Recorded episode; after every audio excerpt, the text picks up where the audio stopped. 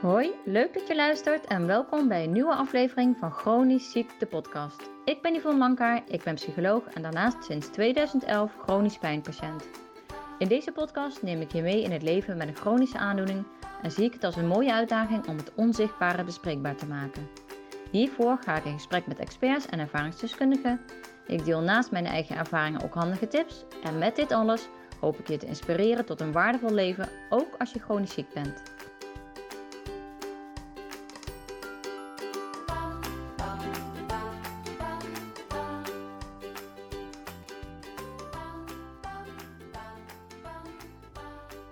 Ja, daar zijn we weer. Super welkom bij weer een nieuwe aflevering. Na een hele actieve periode, vond ik zelf in ieder geval, in juli wat betreft de podcast, heb ik in augustus even vrij afgenomen. Ik had vakantie en ik ben natuurlijk bezig met het groepstraject wat deze maand gaat starten. Dus daar heb ik eh, even mijn handen aan vol gehad. Maar het wordt weer tijd voor een nieuwe podcast. Ik heb er heel veel zin in. Het is wel meteen een heel spannend onderwerp. Het schuurt een beetje. Het raakt een beetje aan schaamte en aan schuldgevoel. Het doet een beetje pijn, of het kan een beetje pijn doen. Het deed mij namelijk ook pijn. Maar ik vind het toch belangrijk om het onderwerp te gaan bespreken, omdat ik denk dat er wel hele mooie inzichten in zitten. Ik ga het namelijk hebben over slachtoffer zijn en de slachtofferrol. Nou ben ik wel benieuwd wat er meteen bij je opkomt. Want de slachtofferrol, daar hangt echt een beetje zo'n ja, een, een negatieve sfeer omheen ja, je, je gaat niet in de slachtofferrol zitten. Dat doe je niet. Dat is zwak. En ik ga dit niet bespreken, absoluut niet om je een schuldgevoel aan te praten. Eigenlijk wil ik vooral laten zien dat je een keuze hebt. En dat je soms eigenlijk ook helemaal niet doorhebt dat je in die slachtofferrol zit en wat dat dan precies inhoudt en wat nou het verschil is met slachtoffer zijn. Dus laten we meteen duiken in het verschil tussen die twee, slachtoffer zijn en de slachtofferrol. Een slachtoffer beseft dat het anders was dat het leven dat je had niet meer is. En misschien merk je al meteen, ik pas het ook meteen toe op het stukje chronisch ziek zijn of chronische klachten hebben. Dus dat er een verschil is met het leven dat je had. Dat de persoon die je was, die is niet meer. Dus je bent iets verloren en daar heb je mee te dealen. Voor mijn gevoel, en misschien legt iedereen deze uh, termen wel anders uit of heeft iedereen een andere, uh, andere ideeën over. Maar voor mijn gevoel is de rol of is het een, een slachtoffer zijn, dan observeer je en doorvoel je wat de consequenties zijn van de situatie. Dus je kan om je heen kijken en zien van, oh ja, dit is veranderd, dit is anders en nou ja, doet gruwelijk veel pijn of dat maakt me verdrietig of het maakt me boos of het maakt me bang. En wat is nou het verschil met de slachtofferrol? Nou, in tegenstelling tot de uh, slachtoffer zijn waarin je observeert en doorvoelt, is het voor mijn gevoel, en dat zeg ik er steeds bij, want ik vind het best een ja, een, een uh, pittig onderwerp, zeg maar. Omdat er best wel veel mee samen kan hangen qua gevoel voor jou. Dus probeer het wel wat voorzichtiger te formuleren. Maar uh, nou ja, wel hoe het is, voor mij dus. De slachtofferrol is voor mijn gevoel jezelf onderdompelen. Je zit erin, je bent erdoor omgeven, uh, er is niets anders meer. Je blijft echt hangen in je verlies, in de shit, echt in het drama. Het zegt dus iets over hoe je omgaat met dat wat je overkomen is. In de slachtofferrol ben je het verlies geworden. Er bestaat eigenlijk niks anders meer dan jouw klachten of dan je pijn of dan het ziek zijn. En het enige dat je doet is water trappelen om je hoofd boven water te houden. Terwijl je misschien tegelijkertijd het idee hebt dat je eigenlijk ieder moment kan verzuipen. Dat idee, dat gevoel. En ik ga heel eerlijk zijn, want dat vind ik ook belangrijk.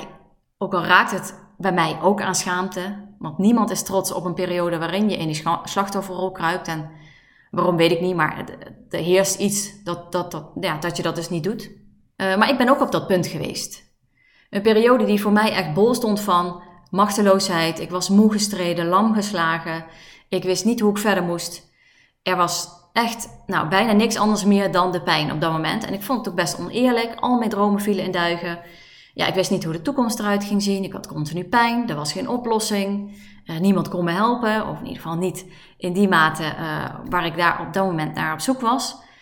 Dus ik vond het ook best wel oneerlijk. En ja, in die periode heb ik echt wel in slachtofferrol gezeten. En wat ik dus mee wil geven is dat het niet raar is of slecht of dus zwak als je een periode vertoeft in die slachtofferrol. Maar het is ook aan jou om de moed en de kracht bij elkaar te zoeken om er weer uit te stappen en te kijken wat er mogelijk is. Jezelf slachtoffer voelen is een natuurlijke reactie op rouw, op stress, op verandering. Een verandering waar jij niet op zat te wachten. Het overkomt je of het overkwam je. Dus wees ook mild als jij uitgestapt bent op station slachtofferrol en daar misschien al even rondzwerft. Je bent niet gek, je bent niet de enige, het is niets om je voor te schamen. Maar weet dat je in de slachtofferrol je vaak ondergeschikt opstelt. Je vaak gelaten en passief bent. En je meestal geen verantwoordelijkheid neemt omdat je het gewoon even allemaal niet meer weet. Het gewoon even allemaal niet meer ziet. Uiteindelijk was er voor mij een moment dat ik mocht inzien dat ik een slachtoffer ben van de situatie in mijn leven. Dat ik te dealen heb met fysieke pijn. Maar dat ik mezelf eigenlijk voor een tweede keer slachtoffer maakte. Omdat ik niet stilstond bij wat er gebeurde. Ik observeerde niet en ik voelde niet. Dus ik stapte over die machteloosheid heen die ik voelde, over die onzekerheid, over de angst, over het verdriet. En daarmee doe je jezelf eigenlijk geweld aan. Door niet stil te staan bij dat verdriet, bij het gemis, bij de angst. Je doet jezelf tekort omdat je vindt dat je door moet gaan, of door te denken dat je niet, niet meer door kan gaan en dat je daardoor blijft hangen. Want de slachtofferrol, dat hoeft niet per se het stereotype beeld te zijn van iemand die zijn bed niet meer uitkomt. Dat kan natuurlijk. Maar het kan ook zijn dat je juist heel erg veel verbloemt door ontzettend hard je best te doen. Of juist alles door te laten lopen zoals het was.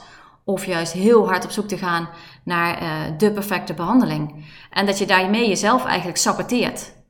Waardoor je eigenlijk nog steeds aan het watertrappelen bent. En er nog steeds niks anders is dan je klachten op dat moment. En in onze maatschappij wordt eigenlijk al heel snel neergekeken op iemand die zich als slachtoffer gedraagt. Maar ik weet dus heel goed waar jij kan zitten. En hoe je daar, zonder dat je het misschien door had, terecht kwam. Ik weet hoe het voelt. Ik weet ook hoe eenzaam het kan voelen. Dus nogmaals, het, geeft dus niet als je daar even bent op die locatie. Soms moet je even ja, dat, dat dode spoor voelen om de energie te vinden om het goede spoor weer te vinden. En zo is dat voor mij ook geweest. Ik moest ontiegelijk vaak tegen de muur lopen tot bij mij de knop omging en ik een andere weg ging zoeken. Omdat ik dacht, oké, eh, die muur die heb ik nu wel gezien, dat wordt hem niet. Dit, dit is niet de weg. Op deze manier ga ik er niet uitkomen. Dus ik ga het op een andere manier moeten doen. Maar dat heeft bij mij ook gewoon een tijdje geduurd. En ik hoop dat je iets met deze informatie kan. Het mag schuren. Misschien ben je wel een beetje verontwaardigd dat ik het zo uitspreek of dat ik het zo bespreek. Daarom zei ik al, ik vind het zelf ook een spannend onderwerp.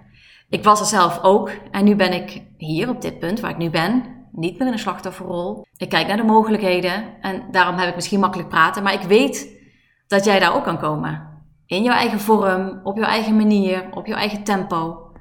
Maar wat ik mee wil geven, blijf er dus niet te lang zitten op dat station slachtofferrol.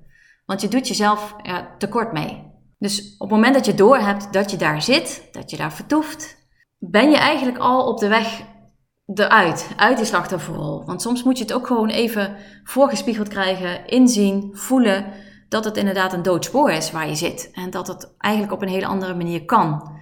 Alleen dat je nog niet weet wat die manier is. En dat maakt onzeker en dat maakt ook dat je soms gewoon blijft zitten waar je zit.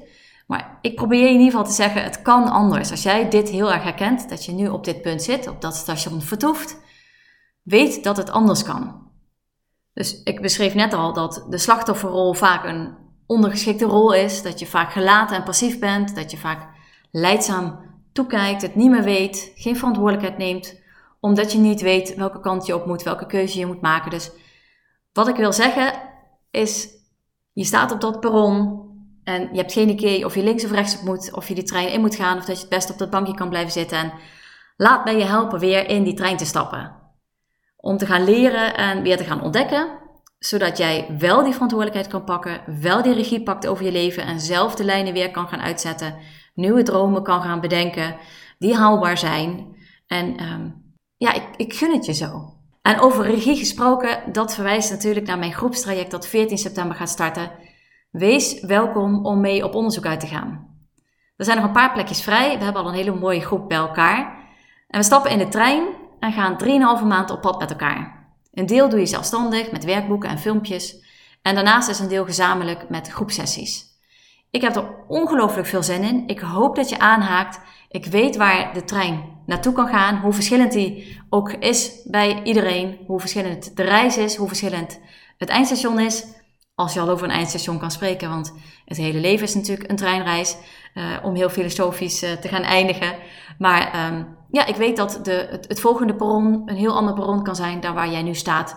En uh, dat gun ik je. Dus, dus mocht je aangesproken voelen in dit verhaal en denken: ja, ik, ik weet het inderdaad gewoon ook echt zelf even niet meer. Um, ja, laat het me weten als je vragen hebt over het traject. Laat het me weten als je daar gewoon even over wil brainstormen of het passend is. Dan, dan plannen we samen wat in. En ik hoop dat je, ook al is het groepstraject niet passend voor jou, dat je hier uit deze podcast wat uit kan halen over al is het alleen maar het gevoel dat je niet hoeft te schamen dat je misschien ooit geweest bent in die positie, of dat je daar nu nog zit, of uh, dat het niet gek is dat, uh, dat heel veel uh, mensen daar vertoefd hebben op een moment in hun leven, of dat nou zichtbaar geweest is of niet. Want nou ja, het is niet iets waar mensen mee te koop lopen. Dus ik hoop dat ik je dat in ieder geval mee kan geven. En wellicht het inzicht dat, ja, dat misschien tijd is om stappen te ondernemen voor jezelf, op welke manier dan ook.